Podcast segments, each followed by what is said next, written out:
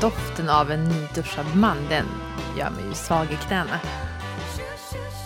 Du gillar rödhåriga, mörka, du gillar blonda, silverrävar tycker du om. Alltså alla! Du är kartokig, Klara.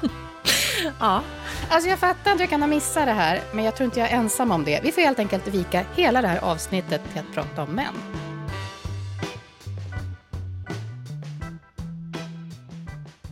Men säg någonting då. Ja, alltså var ska man börja? När började ditt starka intresse för män?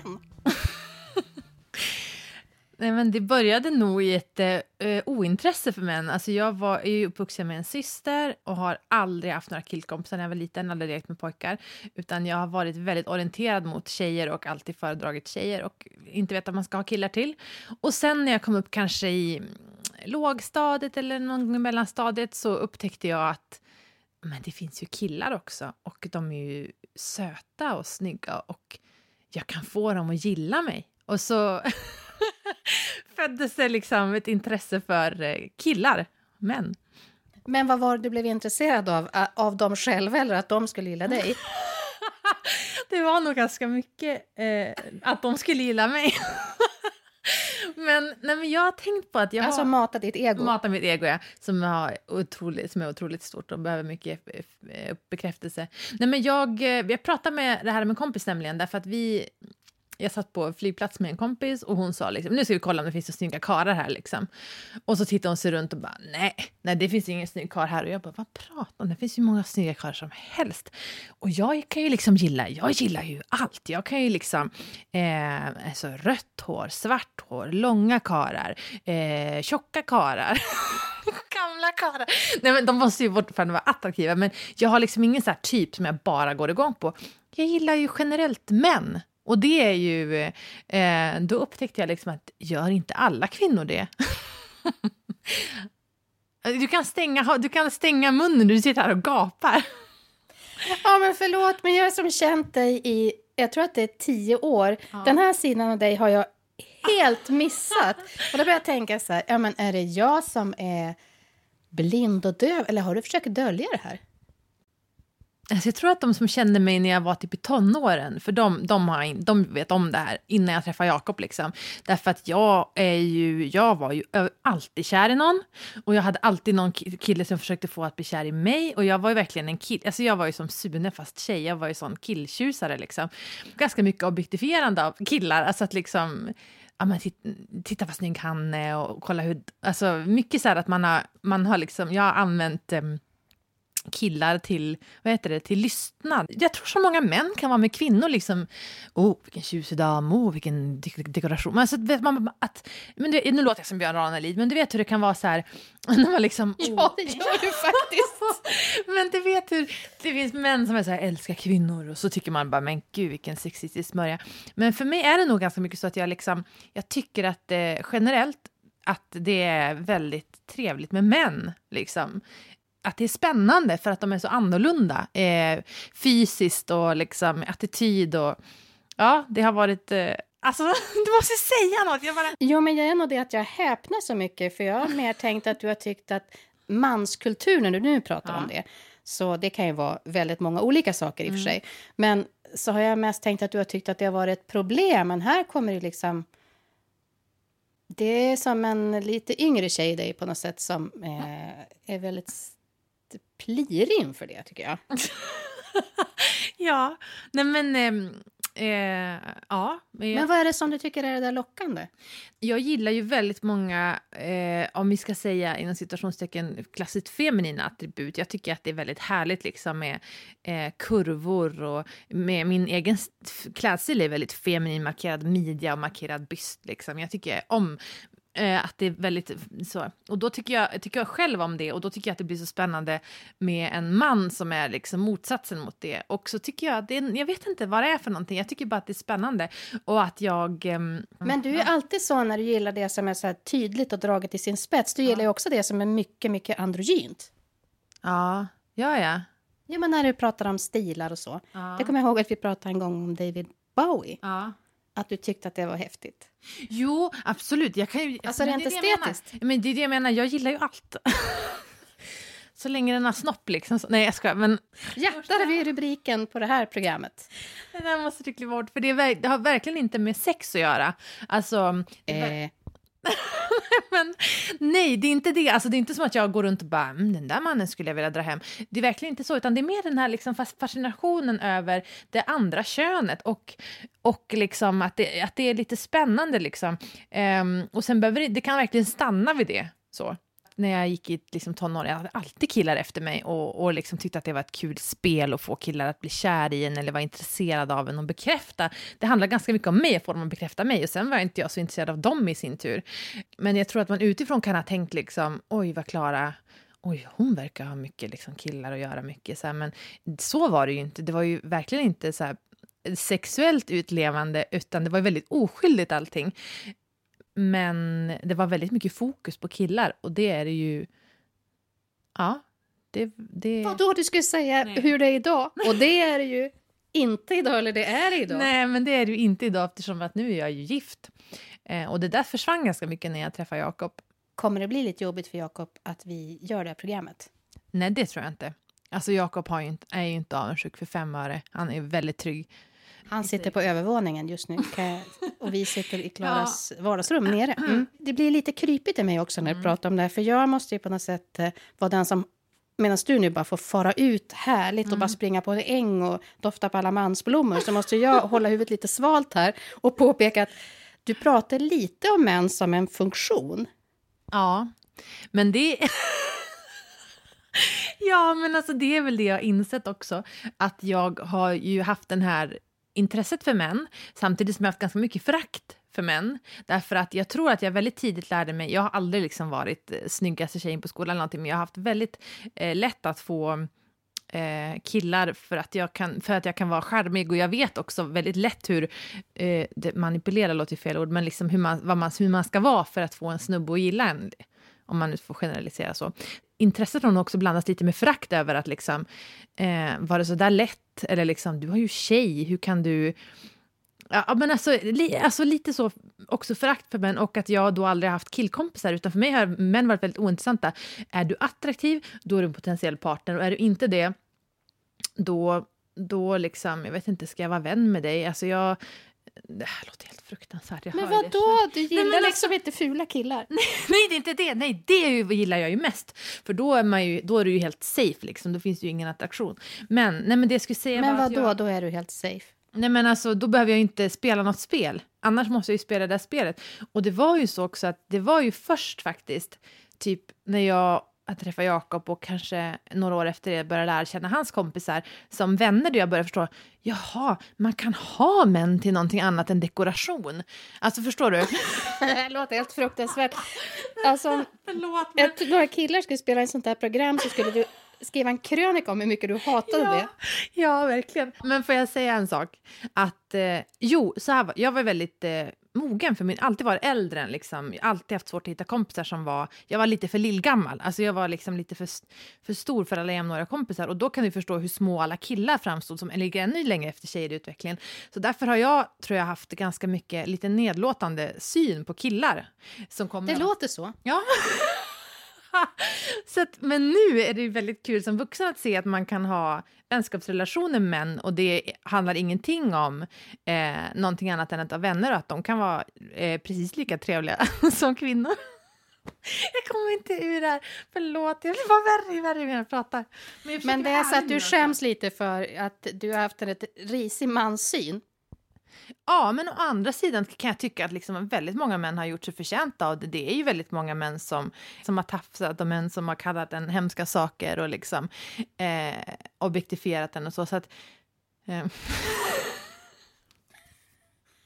Ja, det är lite män som också har gjort delar av det som du har gjort mot killar. Ja, exakt. Ja. Um, men du har föraktat dem för det och så föraktar du dig själv lite för att du har sett så här ja. polariserat på tjej-killvärlden. Ja. jo, så nu ska jag, men nu ska jag säga vad det egentligen är. Att jag, jag var mycket en killtjusare men jag, gill, jag skulle inte sagt att jag under liksom, tonåren gillade män utan det har ju kommit mer senare när jag då upptäckte att de, de kan vara fina att titta på, de kan vara fina att vara vän med, de kan liksom Eh, de, de, de är liksom mångfacetterade och bra personer, då, det, då har ju den här kärleken till män växt, väckts. Jag tänker på eh, bloggaren, jag vet inte om du har sett det, men bloggaren Sandra Beijer som har bloggat 9 till 5. Hon har ju, brukar ha så kill, jag tror det heter killfredag ibland, och hon bara lägger ut så här snygga bilder på killar. Och så skriver hon om pojknackar och hur män luktar och så här. På ett, väldigt sätt, på ett sätt där man känner att hon bejakar liksom någonting som kvinnor inte fått bejaka. Det är väldigt fint när hon lägger ut de här ögongodisbilderna på killarna. Och det är liksom inte eh, som man tänker då motsvarande slitsbilder som kanske en snubbe skulle lagt ut. Utan det Men det här, blir ändå en objektifiering. Det blir en objektifiering och det kan, det kan jag tycka finns någonting skönt i. Eh, det är klart du gör, du är ju kvinna. Ja, men, alltså, men, kan du säga ja, att det är ett problem med det? Nej, för att det, då, då kan jag känna så här lite i jämställdhetens namn att eh, jag vet inte om det är rätt att tänka så, men att jag kan tycka liksom att det finns någonting eh, väldigt befriande i att kvinnor också får titta på män som män tittar på kvinnor och bara som ögongodis. Ja, men jag, jag, jag säger inte att det, jag vet inte om det är rätt, men jag gillar det. men ja, alltså gud vilket jävla samtal. Du får kliva bort hälften där, Erika. tänker jag inte göra.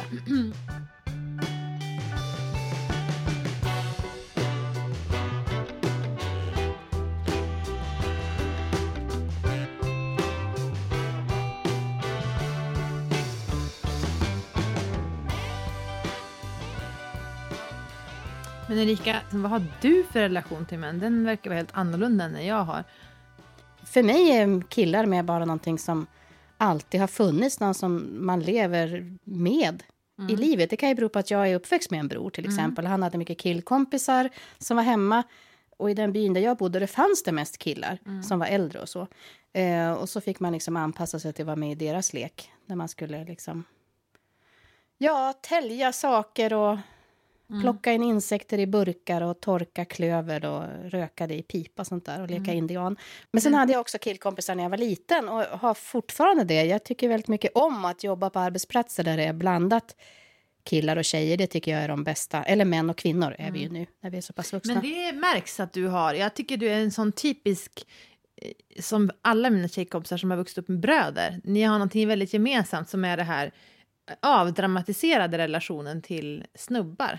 Ja, men jag har inte alls samma laddning som du har. Däremot så har jag en annan laddning. Och det är att så fort jag ser en man jag inte känner, mm. då tänds det automatiskt en sån här, det är som en lampa i mig som är så här, vän eller hot, vän eller hot, vän mm. eller hot.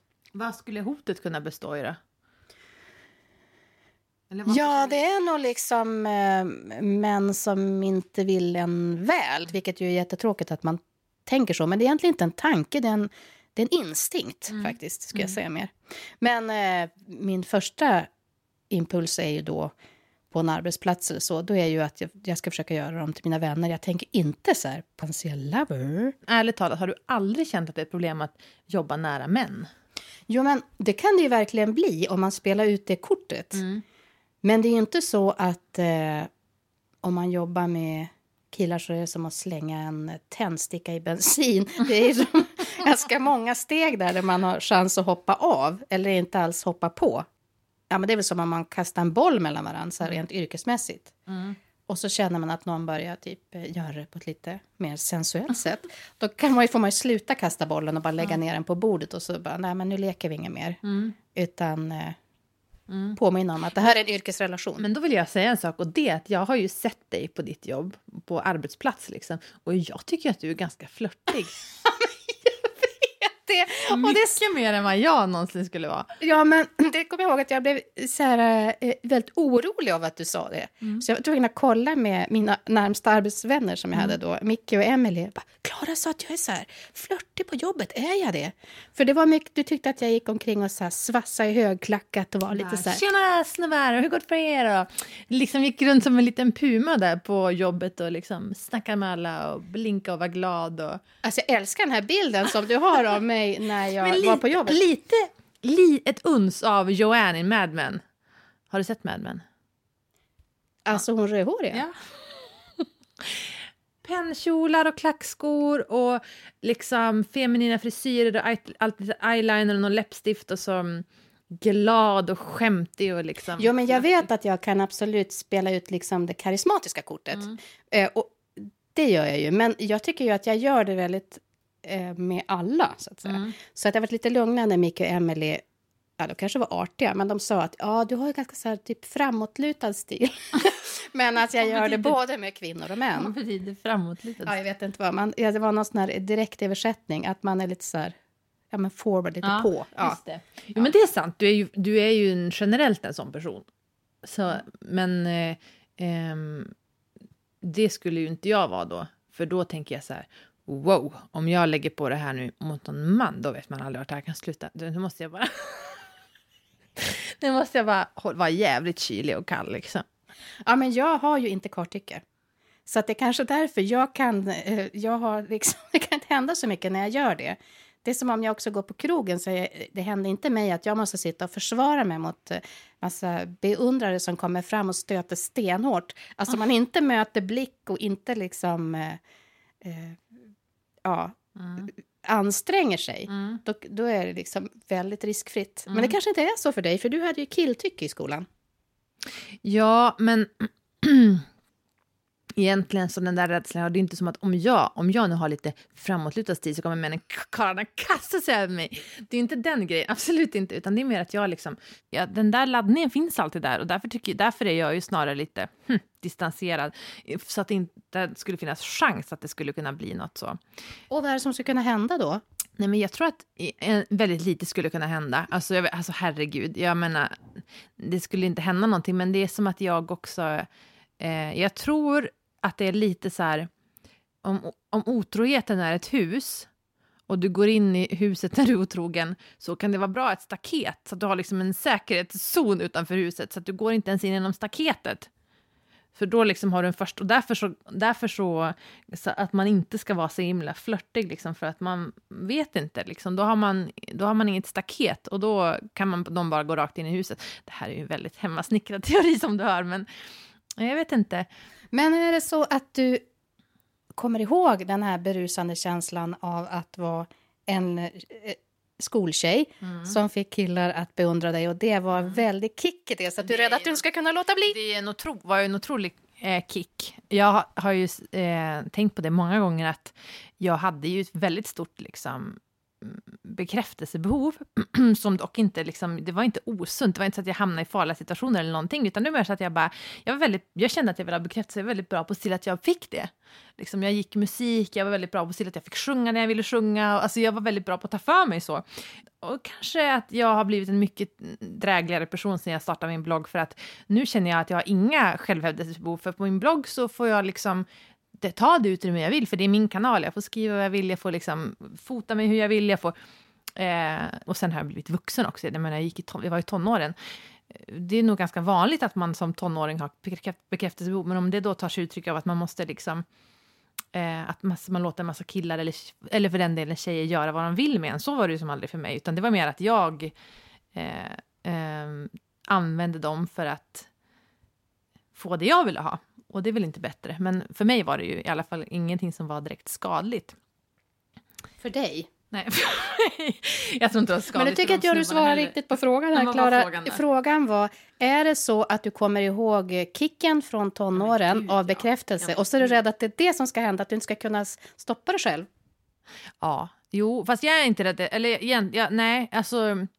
Eh, jag skulle kunna stoppa mig själv. Jag är verkligen inte... Jag, Alltså jag menar inte från att hoppa i säng, utan du skulle inte kunna stoppa dig själv från att flörta så att det kunde uppfattas som att du stötte på någon. Jaha, jo men så kan det nog vara. Alltså jag är väldigt, jag vill inte att det skulle liksom vara det genantaste som hände ifall någon skulle liksom ha träffat mig och bara gud, såg ni vad Klara flörtade med? den?" Alltså nej, fy, det är också sånt fruktansvärt svek mot den man lever med ifall man är en person som går runt och flörtar med andra.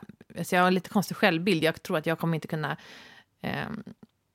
Ja, men jag, eh, vad ska jag ta för exempel? Men du är ju typ eh, rikspräktig. Ja, Men du tror själv att du ska... Jag tänker om, om inte jag, men jag tänker, kanske skulle liksom stjäla en bil ifall det inte var någon som sa till. Men jag kan ju vara lite så att jag har lite låga tankar om mig själv, fast jag har ganska hög moral. Men, men ehm, ja, När vi skulle göra ditt sommar i P1, ditt Ja. sommarprat, Mm. då... Det, du var ju mycket yngre då, eller det var vi båda. Men jag kommer ihåg att jag försökte lugna dig när vi skulle spela in. Då, så här, Mm. Men Klara, ta det lugnt. Liksom. Jag ser att du är nervös, men vi kommer sätta den här scenen när du ska prata om din mammas död. Jag håller dig i handen, det går bra. Mm.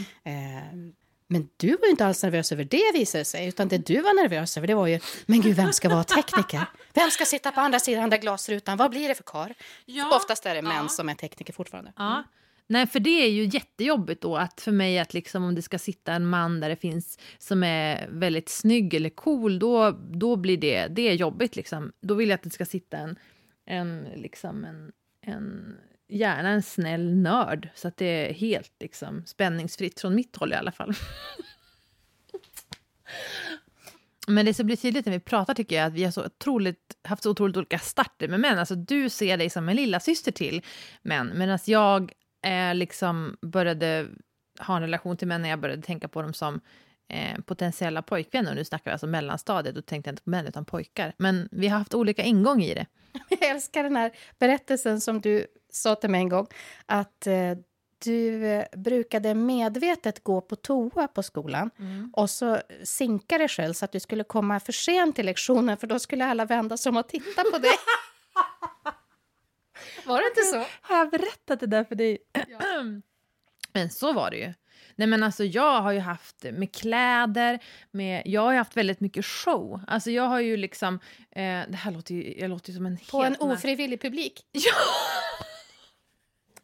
Alltså jag har ju att jag, jag har liksom min narcissistiska personlighetsstörningar, jag känner mig som en svårt sjuk person, men att jag liksom nog har haft väldigt mycket liksom Eh, sen jag var liten, jag har alltid varit ledarperson, så då styrde jag liksom mina tjejkompisar och så. Och sen så har jag liksom eh, haft en show så här, som folk inte riktigt vet att de är med i, men liksom där jag har liksom castat Drömprinsen och birollerna och men så här.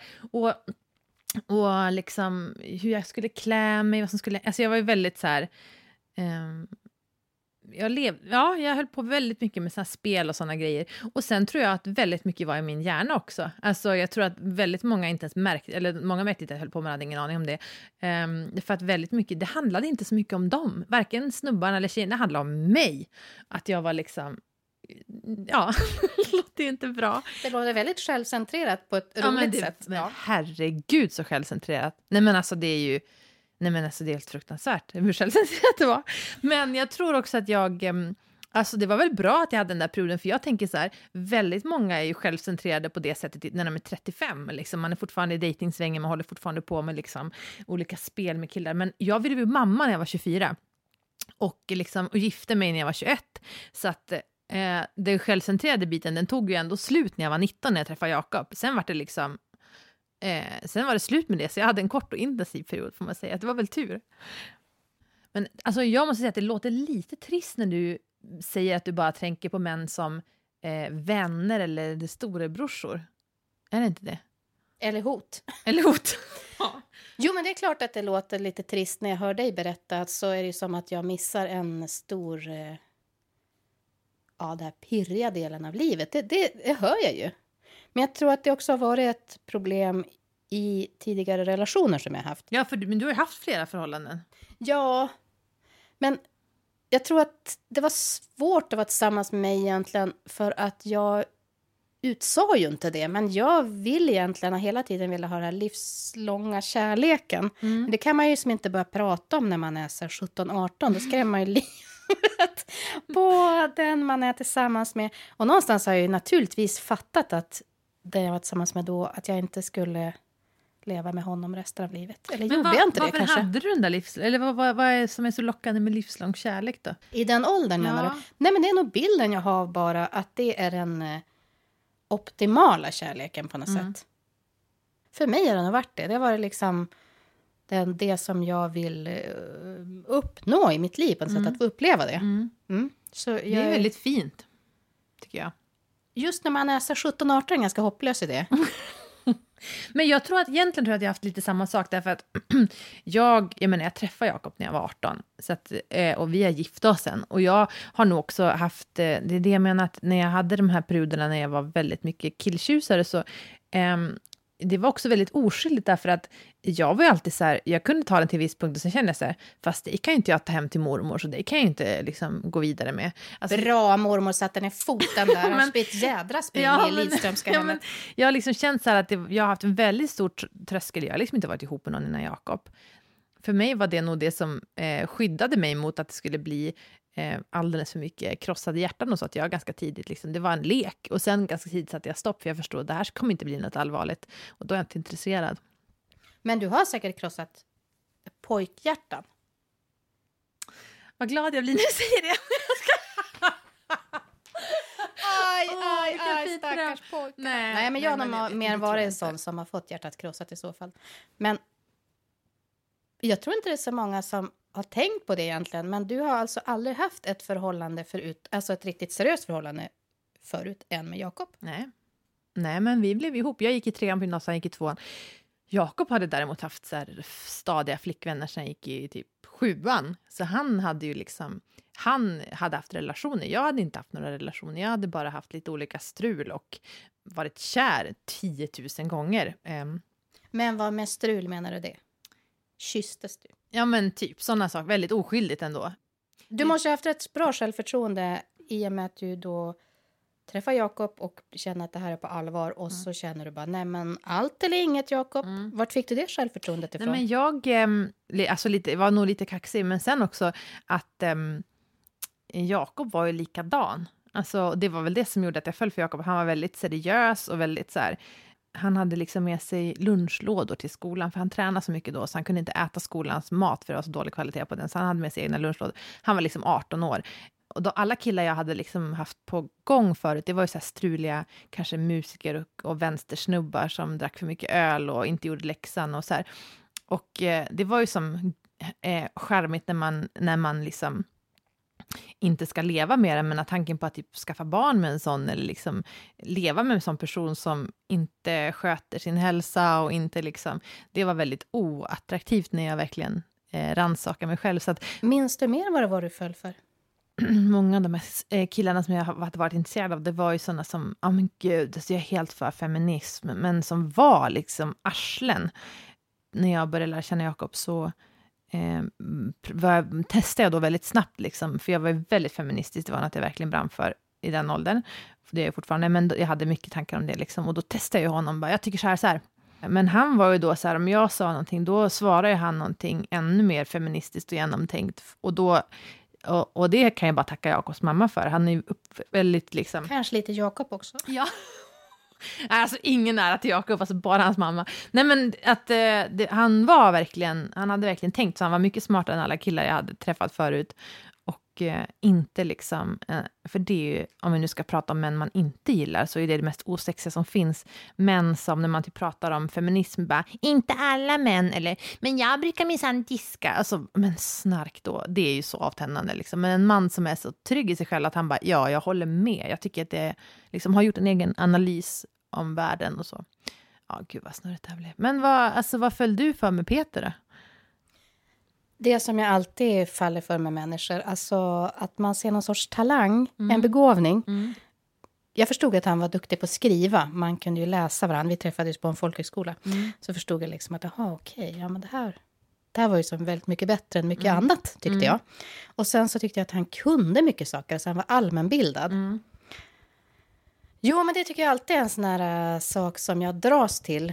Det är väl också därför jag har dragits till dig till exempel, att äh, man ser människors begåvning och att få vara nära dem, då får man ju liksom njuta av deras talang. Det tycker jag är väldigt härligt. Fast det är ingen fysisk attraktion. Jo, jo men det gjorde det. Eh, Jag är 21 då och att han är eh, inte mycket, men några år äldre. Och att han kändes som, väldigt, som en sån här vuxen man, det där som inte hade varit riktigt nåbart innan. Och att han var varm var väldigt viktigt för mig. Eh, och så har han ju som ett mustigt utseende, om jag kan beskriva det så. Är väldigt så här, mörk och har så här, gröna ögon och mycket ögonbryn. Och när skägget växer ut så blir det svart. Liksom. Det, det tyckte jag var häftigt. Mm. Och tycker fortfarande det.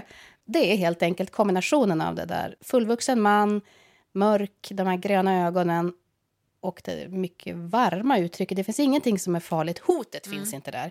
Lite som så Steve Carell och Ben Stiller. Jag förstår precis vad du menar. Mörk och varm helt enkelt. verkligen. Fast jag vill prata mer om män, känner jag. Men det svider i magen. Ska vi göra våfflor? Ja, nu gör vi det.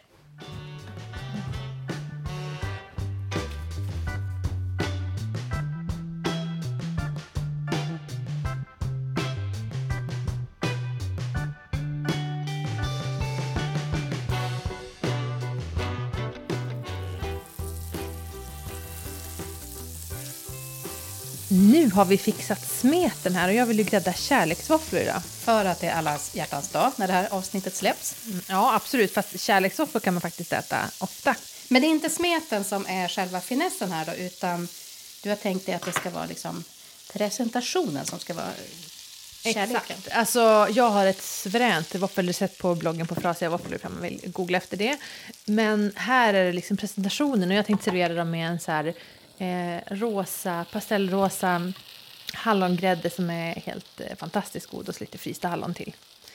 Men då måste jag fråga en sak, för du brukar ju vara lite känslig för när eh, grädde blir lite för stark, så här barnkalas eh, lysande färg.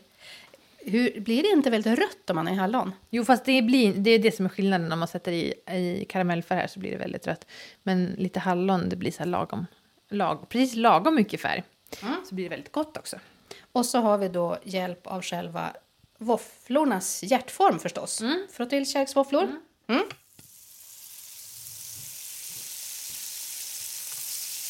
Men du sa varma män. Vad, vad menar du med varma män? Ja, Jag tycker så mycket om det. När det får vara lite så här glitter i ögonen, de kan le lite, de kan vara så stora och inte hotfulla. Eller lite mindre och inte hotfulla, det spelar inte så stor roll. Nej, men jag fattar inte grejen med det här med kalla män.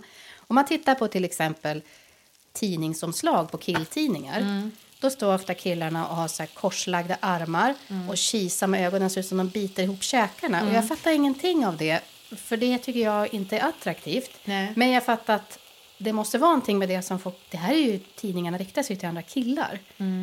Om inte det sålde så fattar jag att ja, men då ska man men göra glada inte det män. själva grejen liksom, att det riktar sig till andra killar? För att som kvinna, då vill man ju se de här underbara, underbart heta männen, du vet, så här, deras ansikte spricka upp i ett skratt. Det är då man smälter, inte av att se någon surt blängande på tidningsomslag. Det håller jag verkligen med Man vill ju se liksom Zlatan eh, skratta. Ja, men hans eh, bokomslag är det ex- typiska exemplet. Mm. För då stod han ju där med och ser sådär stoneface Mm. ut. Medan det man, man bara dör ju när han ler. Han är det mest karismatiska leendet i ja, kanske hela Europa. Ja, men jag håller verkligen med det. Men eh, det där känns som en felbedömning av män. De vill se på andra män som ser liksom sura, eller inte sura, men hårda ut. Men jag vill liksom... Jag vill ju att den där hårda ytan ska spricka, bara för min skull. Förstår du? De ska spricka Ja, jag fattar precis. Och vi pratar inte om Dressman-leendet, det där snea när man slänger upp sin gråsprängda lugg åt sidan. Eller jo, det skulle faktiskt funka det också. Det funkar helt okej. Men, men alltså... mm, Men jag har förstått att du är på beredd att gå långt för att liksom utrota den kalla mannen. Ja, alltså jag tycker att som kvinna så behöver man inte uppmuntra den kyliga mannen överhuvudtaget. Jag tycker han verkar bli så uppmuntrad redan. Jag känner att det är snarare ett problem med kylighet i världen.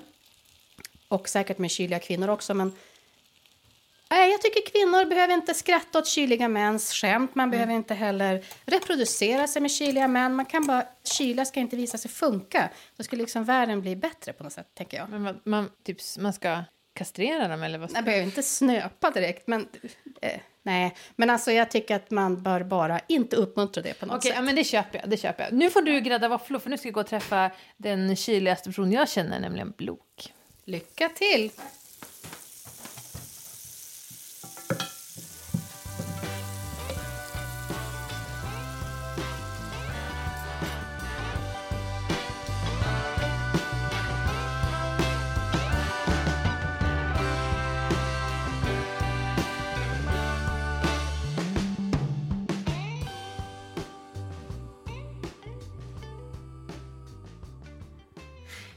Välkommen tillbaka, bloggläsarombudskvinnan Blok. Tack. Du, det var ett tag sedan du var med nu, så för nya lyssnare vill jag bara förklara vilken tung institution du faktiskt är här i podden.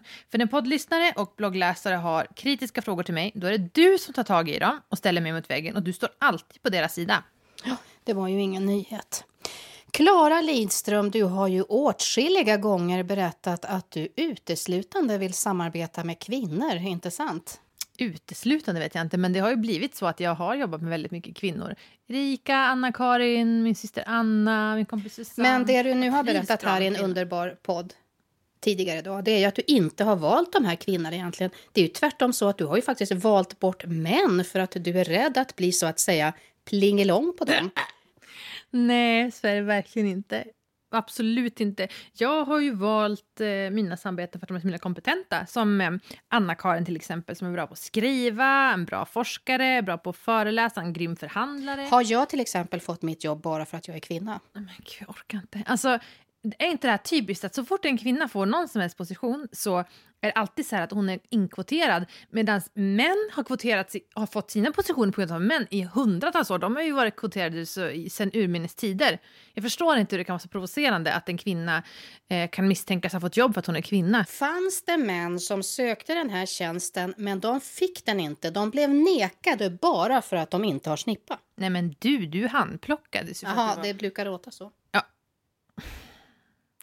Fast du har ju provanställning. Jag kan ju verkligen tänka mig att byta ut dig mot eh, en annan kvinna eller en annan man.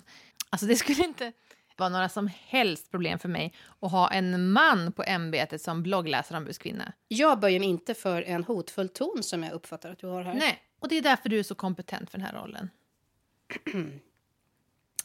Kartokig och feminist, hur får du ihop det? Um, jag förstår inte riktigt frågan. Det, skulle inte, det, är väl ingen, liksom, det är väl ingenting som säger emot varandra. Det finns en konstig bild av att feminister inte gillar män. Eh, personligen är det väldigt svårt för män i grupp. Varför då? Eh, men eh, det är ju ofta inte ovanligt att det är män i grupp som misshandlar eller utför olika typer av våldsbrott. Och jag tror seriöst att det är bra, inte bra att vara för många män utan utan att det finns kvinnor närvarande också. Jag tror att det är bra att mix, mixa upp det så. Men en enskilda män har jag verkligen ingenting emot. Och tvärtom kan jag tycka att det är ganska befriande att få känna att det kan vara komplext. Att man både kan liksom vara arg på mansrollen, man kan vara äh, liksom hata patriarkatet och samtidigt också verkligen uppskatta män som individer och som dekoration. Hoppsan! Ja, hoppsan. Om du hör en man säga att kvinnor gärna får vara en dekoration, hur upplever du det? Nej, men eh, det är nästan ingen som säger så längre, för det får man ju inte. Nej, det kallas politiskt inkorrekt, Klara. Ja, fast jag kan, gilla, jag kan också måste säga att jag också kan gilla det här när jag hör Leif GW Persson prata om liksom, uppskattande om, om kvinnor. Så jag kan Fruntimmer brukar det heta. Fruntimmer då. Ja, det finns någonting härligt i det. Liksom. Jag förstår hans... Eh, han med sin enorma basröst och liksom sitt eh, väldigt traditionellt maskulina yrke. Jag kan förstå liksom lockelsen med en, ett rejält, eh, härligt fruntimmer med guppande bröst. Liksom. och det motsatta kan väl gälla för en kvinna. Jag förstår inte riktigt problemet.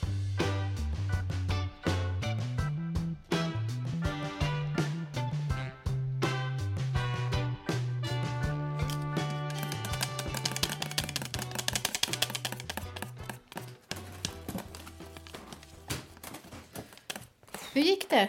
Som vanligt. Okej. Okay. jag vågar inte köra elvispen så han vispade lite här mm. så att jag inte skulle störa och få en uh, slägga i skallen av blok eller någonting. Men uh, jag vågar inte göra slutmomentet här när man okay. ska fixa ihop bär och grädde till den här ljusrosa eh, Nej. färgen som du vill ha. Nej, det är viktigt att det blir lite elegant här. Inte någon kladdig barnkalasrosa utan lite så här pudrigt och fint. Men... Ja, men gör det du då. Ja. Mm. Men hur skulle du beskriva färgen då som jag tycker men... de här röda hallonen ser farliga ut.